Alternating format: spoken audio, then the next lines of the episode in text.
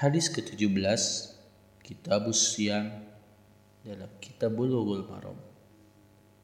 An Shidad bin Ausin radhiyallahu anhu anna an-nabiy sallallahu alaihi wasallam ata ala rajulin bil baqi'i wa huwa yahtajimu fi ramadhan faqala afṭara al-hajib wal mahjub rawahu al-khamsah وصححه أحمد وابن خزيمة وابن حبان dari Syidad bin Aus radhiyallahu an bahwasanya Nabi Shallallahu alaihi wasallam pernah mendatangi seorang laki-laki di Baqi pada waktu laki-laki itu sedang berbekam dalam bulan Ramadan.